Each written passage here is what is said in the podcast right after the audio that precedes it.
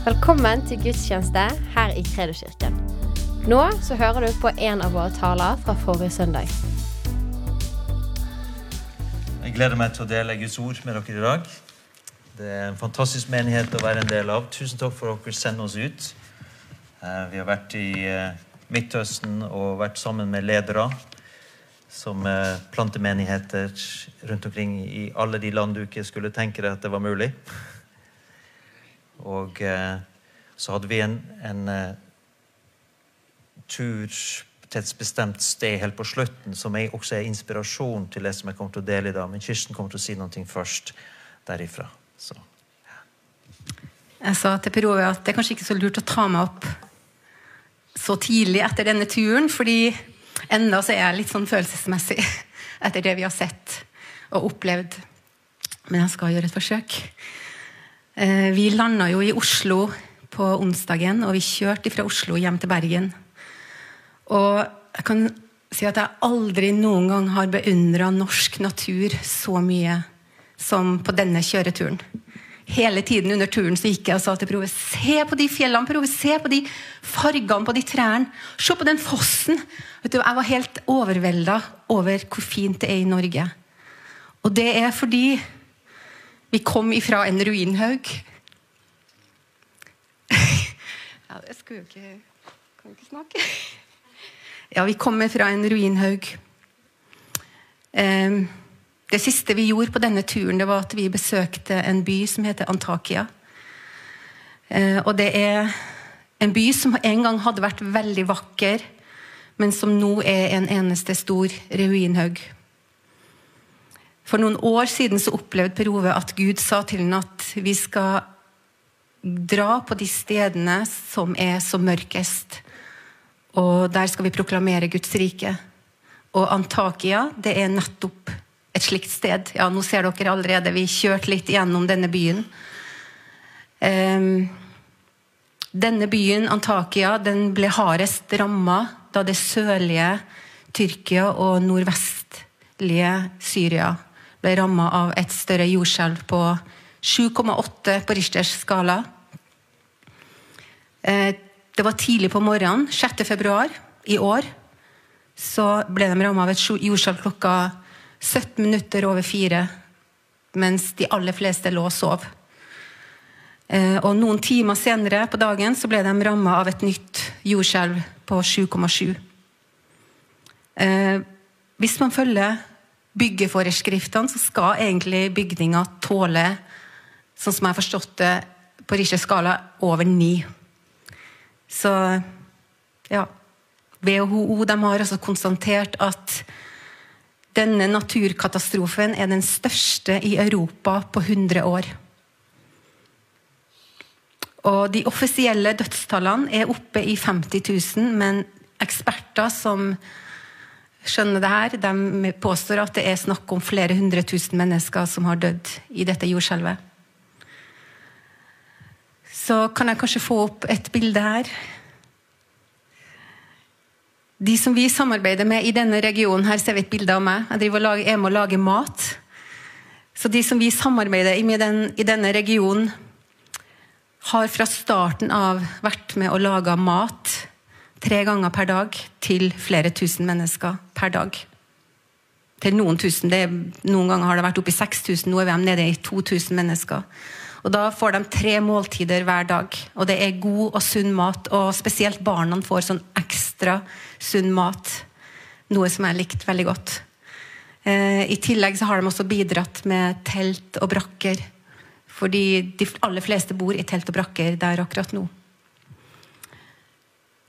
Ehm, og vi, vi var der en kort stund og fikk være med og dele ut mat. Vi kan ta neste bilde. Der ser vi lange køer. Per Ove må dele ut vann der. Så én ting var å se hvor rasert denne byen var. Det var grusomt å se. De sier at kun 1% av bygningene i denne byen kan bli stående. Men det som virkelig var Det som virkelig rørte hjertene våre, det nå var når vi satt ned og kunne høre disse historiene til de som opplevde dette jordskjelvet. Jeg kan bare vise et bilde. Eh, jeg hadde en liten pause og satte meg ned og ble tilfeldigvis sittende og prate med tre av disse mennene her. Som dere ser, det var jeg og en, helse, en eh, frivillig til, en fra Filippinene, faktisk. Som ble sittende og prate med disse tre mennene. Og alle disse tre hadde mista alt. De hadde mista kona si, og de hadde mista barna sine. De hadde mista jobben sin, og hele byen var ja, helt ødelagt. Han bak meg han hadde et, han hadde et glimt i øyet. Jeg spurte hvordan klarer du å smile. Og han sa jeg føler ingenting inni meg. Det er som jeg tror jeg er i sjokk enda. Men han er med å hjelpe andre og hjelpe å bygge opp med containere og sånn. Og den litt eldre mannen bak der, han eh, hadde en butikk i første etasjen, hadde et flott hus. Han viste meg et bilde, og han mista alt. Kona si og to større barn i 20-årene. Og han tredje mannen, han hadde små barn, eh, tre stykker. Han viste meg bilder av dem. Og selv ble han funnet etter to dager under ruinene og måtte gå gjennom en stor operasjon.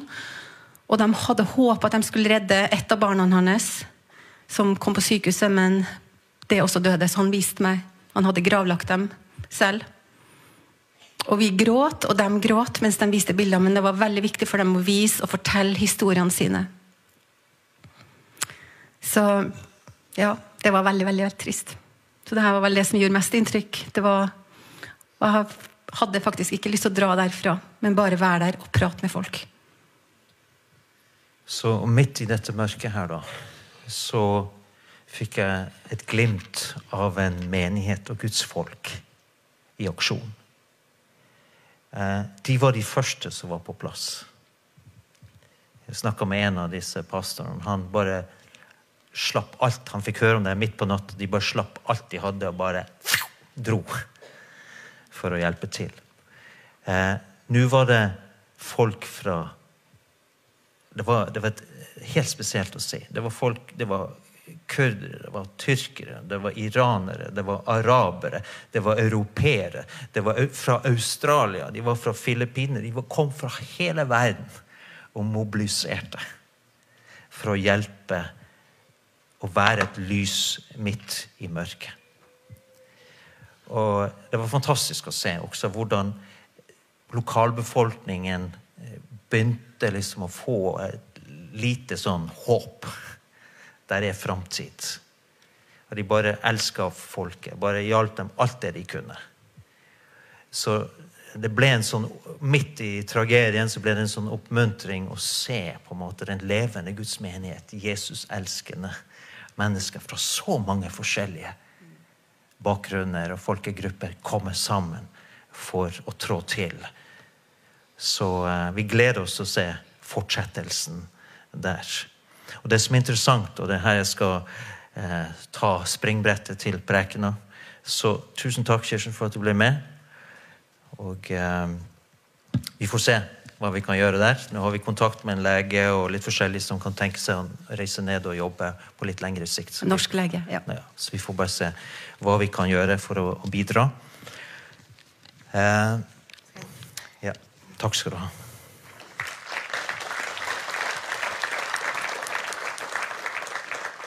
Men dette er altså eh, den byen som i Bibelen eh, omtales som Antiokia.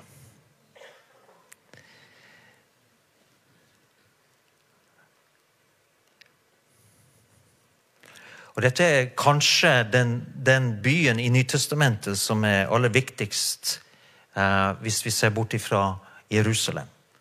Ofte er det litt at den kommer kanskje litt i skyggen, for vi har ikke noe eget brev eh, i Nytestamentet som er skrevet til menigheten der. Men den var veldig sentral, og vi skal gå litt igjennom det. Og jeg har alltid vært på altså Det vi trenger, det vi, vi trenger forbilder. Vi trenger noe å se på, noe å bli inspirert av, noe å dra lærdom av. Og det fins masse flotte menigheter i verden i dag som vi kan dra inspirasjon fra. Men først og fremst må vi dra inspirasjon og lærdom fra menigheten slik den beskrives i Skriftene. Ikke sant? og Jerusalem-menigheten kan vi bli inspirert av og lære av. Eh, samtidig som den, den er litt annerledes enn vår setting, for de var jøder. De bodde i Jerusalem, de hadde fremdeles tempeltjenesten, og alt dette pågikk. Så det var spesielle ting som de eh, møtte og sto i. Men Antiokia-menigheten kan vi virkelig identifisere oss med, og jeg kommer tilbake til eh, hvorfor, og hva vi kan lære av den, det folket i den byen. Eh, opprinnelig så var da dette en, eh, den ble grunnlagt av eh, grekerne. altså En av Aleksander den stores generaler, Selevkos den første, Nikator som han het. Og Vi snakker da om ca. 300 år før Kristus. Byen ligger da også 49-50 mil fra nord for Jerusalem, i dagens Tyrkia. Og da heter da byen Antakya. Så dere kan, se, kan få et kart opp på skjermen her. så gir det kanskje Dette er fra Bibel, bibelsk tid. Antjok heter det på engelsk her, da. Ser dere oppe i hjørnet på, i Middelhavet der. Hmm? Så er Antakia. Så er det Bibelens Antiokia. Og eh, Antjok på engelsk.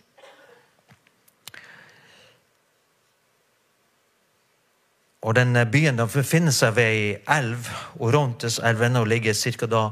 2,5 mil inn i landet fra kysten.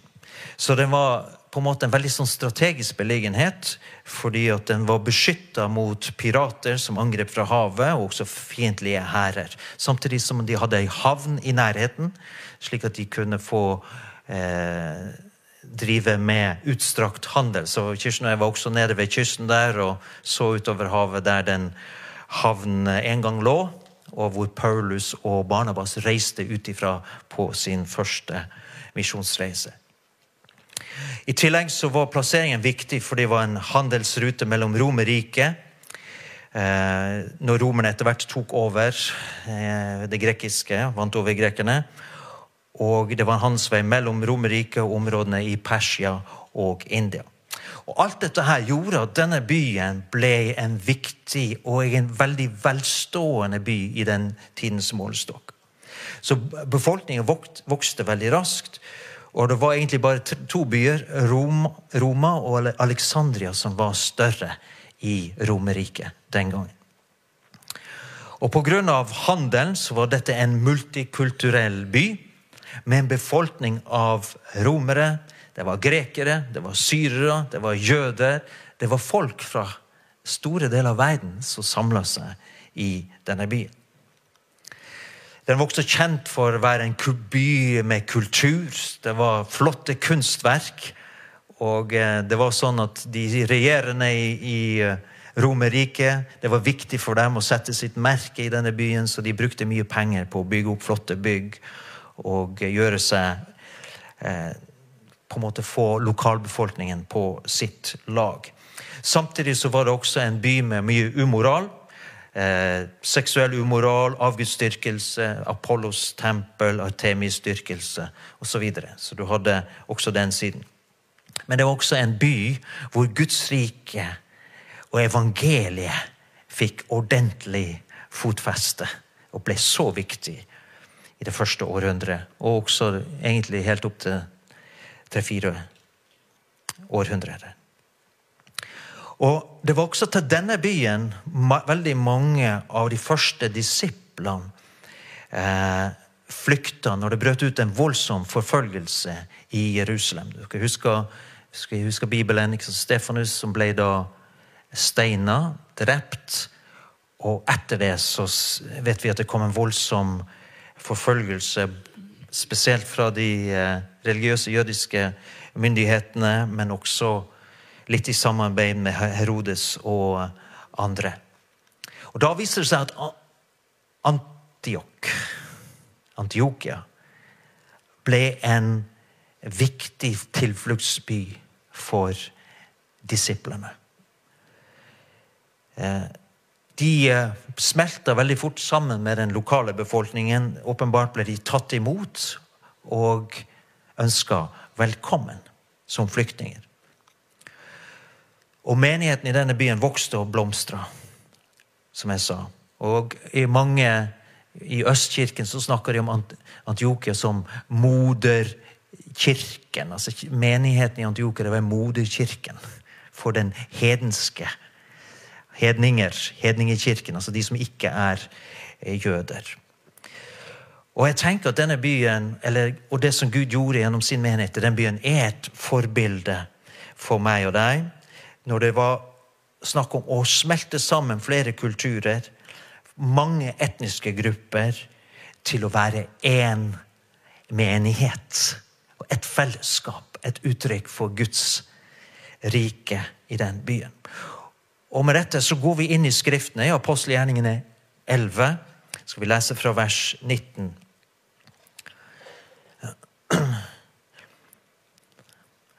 Kan vi få det opp på skjermene?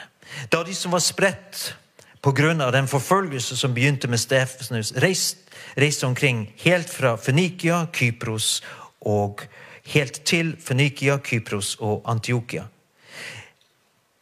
Men de forkynte ikke ordet for andre enn jøder. Det første jeg vil si er at Legg merke til at selv om de opplevde Kan tenke deg når du må forlate hus og hjem i Jerusalem pga. forfølgelse, pga. at du kan risikere livet ditt, så ser vi det at det var jo en tragedie for dem, vil jeg tro. Men de slutta ikke å forkynne evangeliet. Veldig mye av det som Gud gjør, kommer ut av altså mennesker som reiser seg midt i katastrofer, midt i trengselstider, midt i store prøvelsestider. Så reiser Gud opp menn og kvinner som reagerer annerledes enn denne verden. Og tar Guds rike med seg. Men legg merke til at de forkynte bare for jødene. Ennå hadde de den tanken eller den ideen eller forestillingen til evangeliet var for jødene. Enbart.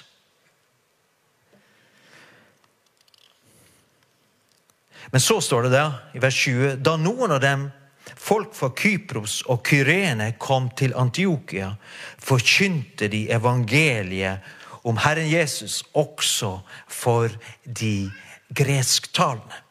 Og Herrens hånd var med dem, slik at mange kom til tro og vendte om til Herren. Er du glad for at noen var villig til å bryte ut av tradisjonen? Bryte ut av de kulturelle og religiøse barrierene. Forkynn ikke for andre enn jødene.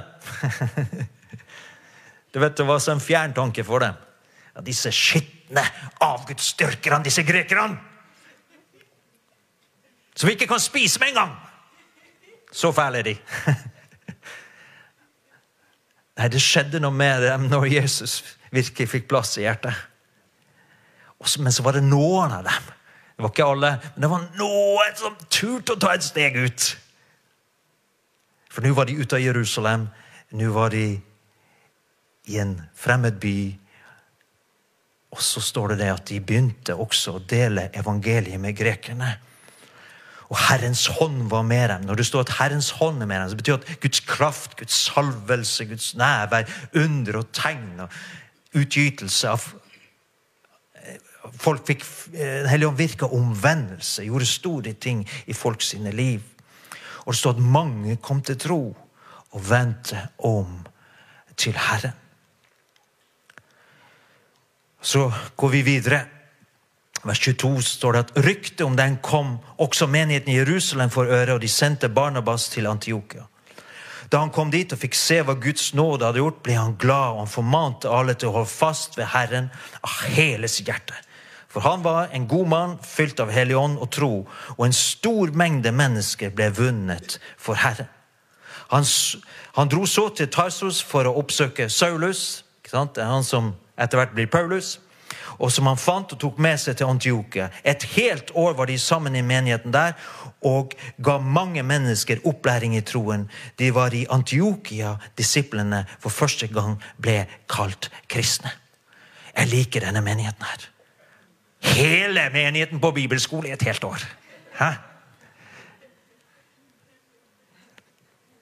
Kanskje det er tid. Nei, men De var sultne på Skriftene. Og de fikk mat undervisning av Paulus, eller Saulus den gangen, og Barnabas et helt år. Det ble gjort Det var ikke en overfladisk menighet. Det var ikke noe hype. Men det var Guds kraft, og så var det å få ordet grunnfesta i Guds menighet i denne byen. Og så ser vi vers, Fra vers 27 så står det det at på den tiden kom det noen profeter fra Jerusalem til Antiokia. En av dem, han som het Agabos, sto fram og varslet ved ånden at en stor hungersnød skulle ramme hele verden. Det var den som kom under keiser Claudius. Da ble disiplene enige om at hver av dem skulle gi så mye han kunne avse for å hjelpe de av søsknene som bodde i Judea. Dette gjorde de, og de sendte gaven med Barnabas og Saulus til de eldste. Her ser du at de hadde en mentalitet. For første så trodde de at Den hellige ånd talte. Og når de gjenkjente Den hellige ånd talte gjennom en profet om at nå kommer det en hungersnød, så reagerte de. Det var en handlingens menighet. De, de, sa ikke 'Å ja, la oss be for de stakkars i Judea'. Nei, de samla inn hjelp. Praktisk hjelp. La oss sende penger, ressurser, for å hjelpe i Jerusalem. Jeg liker sånne menigheter. Jeg liker den siden av Kredo-kirken. Jeg liker den siden av Guds menighet. Action! Når behovene er der, så agerer vi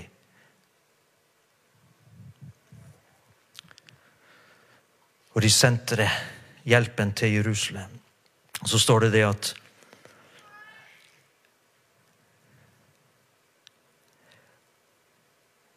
Videre at, Men Guds ord hadde framgang og spredte seg vidt omkring. Da Barnabas og Saulus hadde fullført sitt oppdrag i Jerusalem, dro de tilbake og tok med seg Johannes, som hadde tilnavnet Markus. Nå er vi plutselig i slutten av vers 12 tenker deg hvilken tid vi lever i nå. Fordi at På denne tiden så var Herodes, som da på en måte var regent over Judea, da, han tok livet av eller hans folk da tok livet av den første apost, en av de tolv apostlene, Jakob. En av de tre. Peter, Johannes, Jakob. Han tok livet av Jakob. Og det så det at, Han så det at de jødiske religiøse lederne likte det. Derfor så ble han nidkjær, og så satte han også Peter i fengsel. Og Det er her vi får denne dramatiske fantastiske historien hvor menigheten i Jerusalem ba på sine knær og ropte til Gud, og hvor han engelen kommer inn i fengselet og setter Peter fri. Men så forteller Bibelen at denne Herodes fordi at folket i Tyros og Sidon i dagens Libanon trengte matforsyninger fra dette området. Så samla ble de venner med tjeneren til Herodes, og så fikk de inngang, og så fikk de favør. Og så samles de på et stadion, og så hyller de han som konge. ropte de. Her taler en Gud, og de hyller han som, som Gud. Her taler en Gud. Og så står det at en engel slo Herodes, så han døde. For han hadde ikke gitt Gud ære. Jeg tenker på hvordan Gud forsvarte sin menighet. Hvordan Gud stilte opp i en sånn krisetid som dette her. Og dette, Hvorfor har forfatteren putta denne historien midt inni her? Jo, det, blir, det, er veldig interessant når vi kommer til de første versene i kapittel 13. For da er det en mann der som Gud har kalt og utvalgt til å være med i menigheten i Antiokia.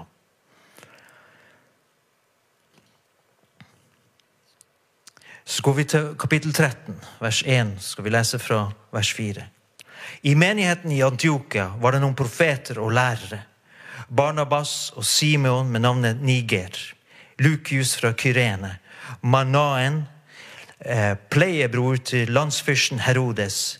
En fra Altså, han var rett og slett en som hadde vokst opp sammen med Herodes. Han var i denne gruppen med lærere og profeter som faster og søkte Gud i Antiokia. Og dessuten Saulus. La oss se litt nærmere på denne gjengen. Hvem var det som var samla og fasta og ba? Det er litt interessant. For det gir oss en idé om sammensetningen. De var profeter og lærere. Så var det Barnabas, han kjenner vi. Og så Simeon med tilnavnet Niger. Niger betyr svart. Han var altså mørkhuda.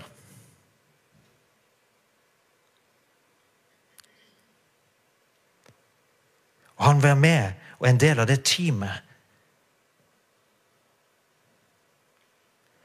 Lykius fra Kyrinene. Vet du hvor Kyrinene er? Det er i Libya. Øst-Libya. Han så, så nok ut som en uh, fra Nord-Afrika.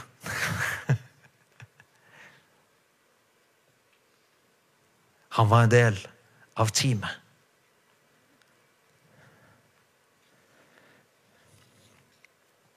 Og så Manaen. Vet han vi, vi vet i historien at mest sannsynlig hans far var den høyre hånd til Rodes den store, som bl.a. bygde tempelet i Jerusalem. Så det er stor sannsynlighet at dette er hans sønn, som vokste opp med denne Herodes, Antipas, som Gud slo tok, Guds engel slo og tok livet av. Dette var en person som var av den politiske elite i landet. Han var en av de rike og velstående, de privilegerte. Men nå finner vi han i Antiokia som en del av teamet. Som vi skal se er de som sender ut Barnabas og Saulus, Paulus til misjonstjenesten. Og jeg tenker det, De hadde oppnådd noen ting veldig tidlig i denne menigheten i Antiokia. For første måtte de overvinne de religiøse barrierene mellom det å være jøde og greker. Det var en stor, stor barriere å passere. De hadde holdninger mot hverandre i utgangspunktet. De hadde sterke meninger om hverandre i utgangspunktet. Det satt i ryggmargen på grekerne å mislike jødene, og jødene skulle jo selvfølgelig ikke spise med grekerne. Det var sant, det var gjensidig Mislykte de hverandre? Så var det romere her. Og så var det kanskje noen fra andre folkegrupper, raser. Og så var det disse herre de her snobbere rikingene. Ja, det er også en av dem der. Ikke sant? Du vet de der litt sånn der overlegne, de der rike som ikke betaler skatt ikke sant? Som har sånne privilegier. Og... Kanskje det var noen holdninger mot utgangspunktet mot dem òg? Har du tenkt på det? Vet du hva? De hadde Jeg tror de hadde måttet jobbe med holdningene sine og synet på Guds menighet. Her skjer det en sammensmeltning av veldig forskjellige mennesker. Og jeg tror at det er noe av det som vi kan lære, og som Gud ønsker for oss i vår tid. Det er ikke plass. Vi er nødt til å se på oss og hverandre som Guds egen menighet. Guds familie. Det er ikke plass til å sette skillet pga. vår etnisitet eller vår kultur eller vår bakgrunn. At det skal påvirke hvordan vi forholder oss til hverandre. Amen. Det er bare én måte Guds menighet kan gi Gud ære på. Det er at vi smelter sammen elske hverandre, anerkjenne hverandre, respektere hverandre og finne en måte å være Guds menighet på med så mange forskjellige mennesker og uttrykk. Tror du på det? Jeg tror det er Guds vilje. Jeg er helt sikker på det er Guds vilje. Han ønsker et levende, synlig bilde på dette her i Bergen. Er det mulig? At alle disse kan oppleve at her er jeg hjemme. Dette er mitt hjem. Her hører jeg til. Det så ut som de fikk til noen ting i Antioch. Som ikke var så lett. Der var fattige og rike. Vet, de rike kan ha negative holdninger om de fattige, og de fattige kan ha veldig fordømme om de rike. Sånn er det. Men de måtte bryte de barrierene og si at nå er vi faktisk brødre og søstre i Kristus Jesus. Og den gangen hadde de også slaver. Så det, Menigheten da hadde jo utfordringen altså, Her er det herrefolket. De må nødt til å lære seg å elske slavene som sine ekte brødre og søstre. Og slavene måtte lære å respektere og ære sine eiere. Og ikke hate dem, men se på dem som brødre og søstre, for i Guds øyne er vi alle like. Det var ikke så lett. Jeg tror kanskje de hadde enda større utfordringer enn vi har i dag potensielt. Men Gud ville smelte sammen et folk som var hans menighet. Jeg tenker på i, i Guds menighet Vi kan jo ha Vi har jo ja, Kanskje folk eh, driver med business, og vi Kanskje du til og med konkurrerer med noen i menigheten om markedsandeler. Hæ? Hvordan håndterer vi det i Guds menighet? Alle vil vi jo lykkes i jobben og i Jeg skal si deg en ting. Når vi, kommer, når vi, er en del av Guds menighet, så ber vi for de vi konkurrerer med. Velsigne dem. For vi er først og fremst brødre og søstre. Amen. Går det godt for din eh, konkurrent, så kommer det til å gå godt for deg òg. Det er nok for alle om Guds velsignelse er over oss, og vi har de riktige holdningene. Så lett at vi får tanker og ideer om andre. Men i Guds menighet må vi virkelig jobbe med disse tingene. La Den hellige hånd. Amen. Her i menigheten er vi ikke konkurrenter. Her heier vi på hverandre. Støtter vi hverandre. Deler kanskje ideer.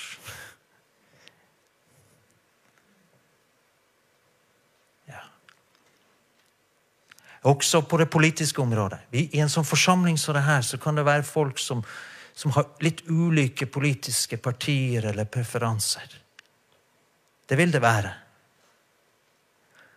Men du vet, i Guds menighet er vi brødre og søstre. Her inne har vi ingen politiske kampanjer. Her heier vi på hverandre og velsigner hverandre og ber for hverandre. Og takk Gud for de som tror på Jesus, som har posisjoner eller engasjerer seg rundt omkring for å representere Guds rike. Vi trenger alle sammen. Vi trenger alle gudsmenn og gudskvinner i all slags posisjoner og stillinger for å kunne ha innflytelse. Derfor må vi velsigne hverandre, be for hverandre og så være saklige. Vi kan ha ulike meninger, men det har noe med hjertet og sammensmeltingen å gjøre. I Guds menighet vi har ikke råd.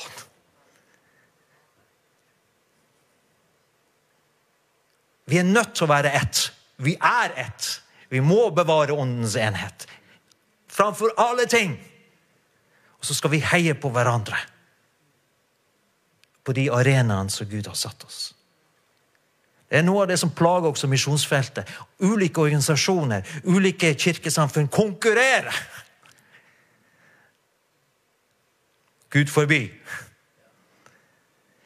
Jeg skal gi deg et eksempel. Når vi var inne i Syria for en del år siden. Og jeg traff på helt nye troende.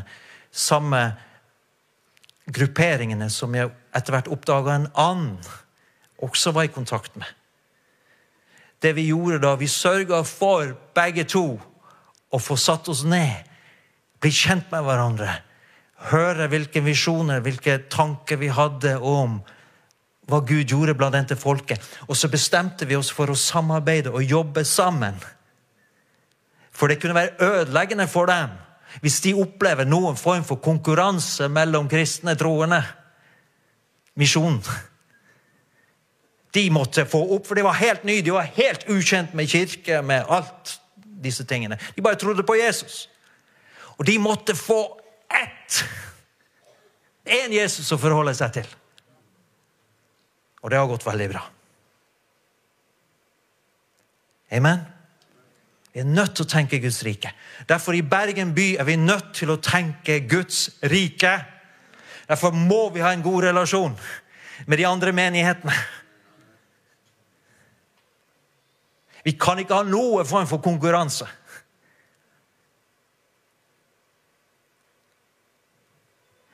For vi tjener den samme Herren.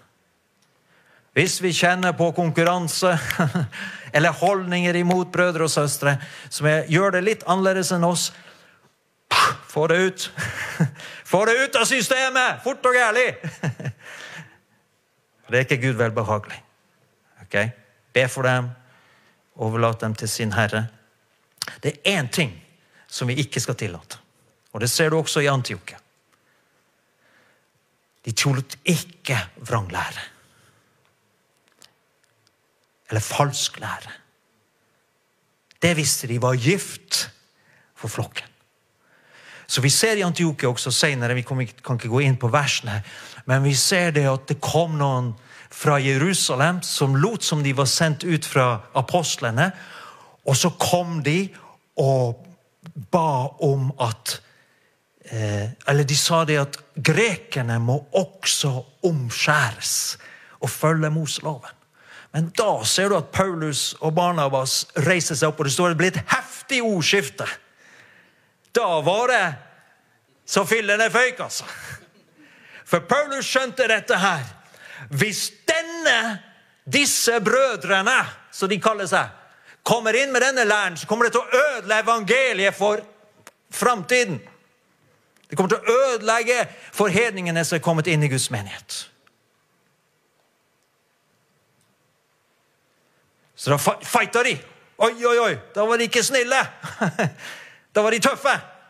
Men det var tøffhet i kjærlighet. Og Så ble det bestemt i Antiokia la oss sende dem til Jerusalem, for dette er så viktige tema. Vi må, vi må få en avklaring med apostlene i Jerusalem. Hvordan forholder vi oss til disse tingene? Da leser du om apostelmøtet i, i uh, Apostelens gjerninger 15, ikke sant, hvor de bestærte. Vi skal ikke legge på hedningene og følge Moseloven. De skal bare holde seg borte fra kvalte dyr, kjøtt som er ofra til avgudene. De skal holde seg borte fra bro, og så skal de holde seg borte fra hor. Hvorfor det? Jo, fordi at menigheten i Antioke skulle bli bevart en, som én, slik at jødene og hedningene kunne spise sammen. Derfor så måtte hedningene avholde seg fra visse typer ting. Så ikke menigheten ble splitta. Og hore er jo selvfølgelig. Men det var så innbakt i dem. Dette, du må ikke spise kjøtt med blod. ikke sant? Dette var viktig for jøden. Derfor ble det avgjort. Sånn må det være. Så kom de tilbake, ellers så skal de holde fast ved Guds nåde. Det var budskapet. Så kom de tilbake igjen til Antiokia med, med beskjed om hva som var beslutta i Jerusalem. Og så ble det, den friheten og den vektleggingen av nåden i Gud, den ble spredt utover Guds hele eh, region der det var menighet. Evangeliet hadde slått rot. Amen. Derfor så er vi veldig tydelige på lærespørsmål. For det er gift hvis det kommer inn i Guds menighet. Derfor kan vi ikke ha fellesskap, åndelig fellesskap med brødre og søstre som kaller seg brødre og søstre, og som Bibelen definerer som vranglære. Der går det et sverd. Hvis du skal bevare Hvis du skal bevare helsen, den åndelige helsen Hvis du skal bevare sunnheten og Guds kraft i Guds menighet, så må du være veldig tydelig på disse tingene. Det går både på moral og på, på lære om Jesus osv. Og der var de tøffe i Antiokia. Så vi har noen ting å se på og strekke oss etter. Og Så fortsetter vi, og så skal vi lese her eh, vers, fra vers 2, kapittel 13. En gang mens de feiret gudstjeneste for Herren og faste, sa Den hellige ånd, ta ut Barnabas og Saulus for meg, så de kan gå til den oppgaven jeg har kalt dem til. Etter fast og bønn la de hendene på dem og lot dem reise. Å, jeg liker det her. Faste, bønn, og så sa Den hellige ånd. Wow! Det var ikke noe de fant på sjøl. Men de lyttet til Gud. De var ledet av Gud. Og så sa Den hellige ånd. Så står det der disse to som altså var sendt ut av Den hellige ånd, dro til Selevkia og seilte derfra til Kypros, så videre. Og alle tre av Paulus sine misjonsreiser hadde sitt utgangspunkt i Antiokia. Så hvis vi strekker oss etter det, dette her, så skal dette være en plass hvor folk kommer og blir sendt ut. Kommer, får hvile, styrke, trening. Sendes ut. Halleluja. Og så er vi vidåpne for alle mennesker som Gud legger til menigheten. Er du med på det? Så la oss ha denne menigheten i Antiokia som en, en forbilde for oss. En skrift, skriftens forbilde. Halleluja. Kan vi studere det mer, grave litt mer i det, lære, grunne, finne ut av ting? Jeg syns det er spennende. Det er veldig spennende. Det er gøy. Å være med på det Gud holder på med, det er veldig gøy, folkens. Det kan være slitsomt, strevsomt innimellom. Klart det.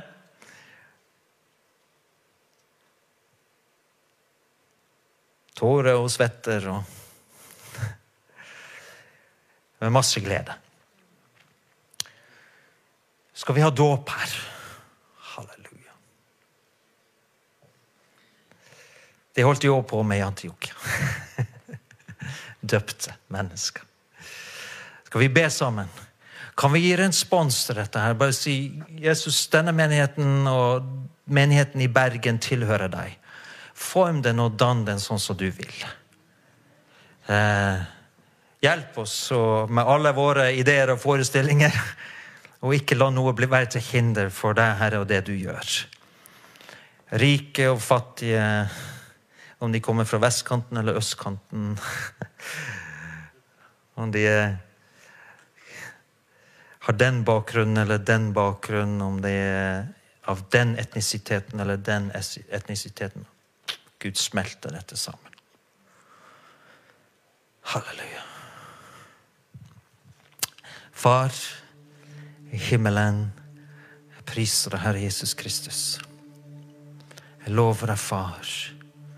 Ære deg, Herre. Jeg tilber deg, Herre Jesus Kristus, for at vi ønsker som fellesskap, som menighet, bare å, å si at denne menigheten tilhører deg. Jeg takker deg, far, for så mange forskjellige mennesker som du har lagt til denne menigheten. Og vi ønsker velkommen alle de som du ønsker å gi inn i dette fellesskapet. Herre. Jeg takker deg, Herre Jesus Kristus, for vi vil hjelpe oss å legge av alle fordommer eller holdninger som ikke er velbehagelige, Herre, og rett og slett bare være åpne for mennesker. Jeg takker deg priser deg, far. Halleluja.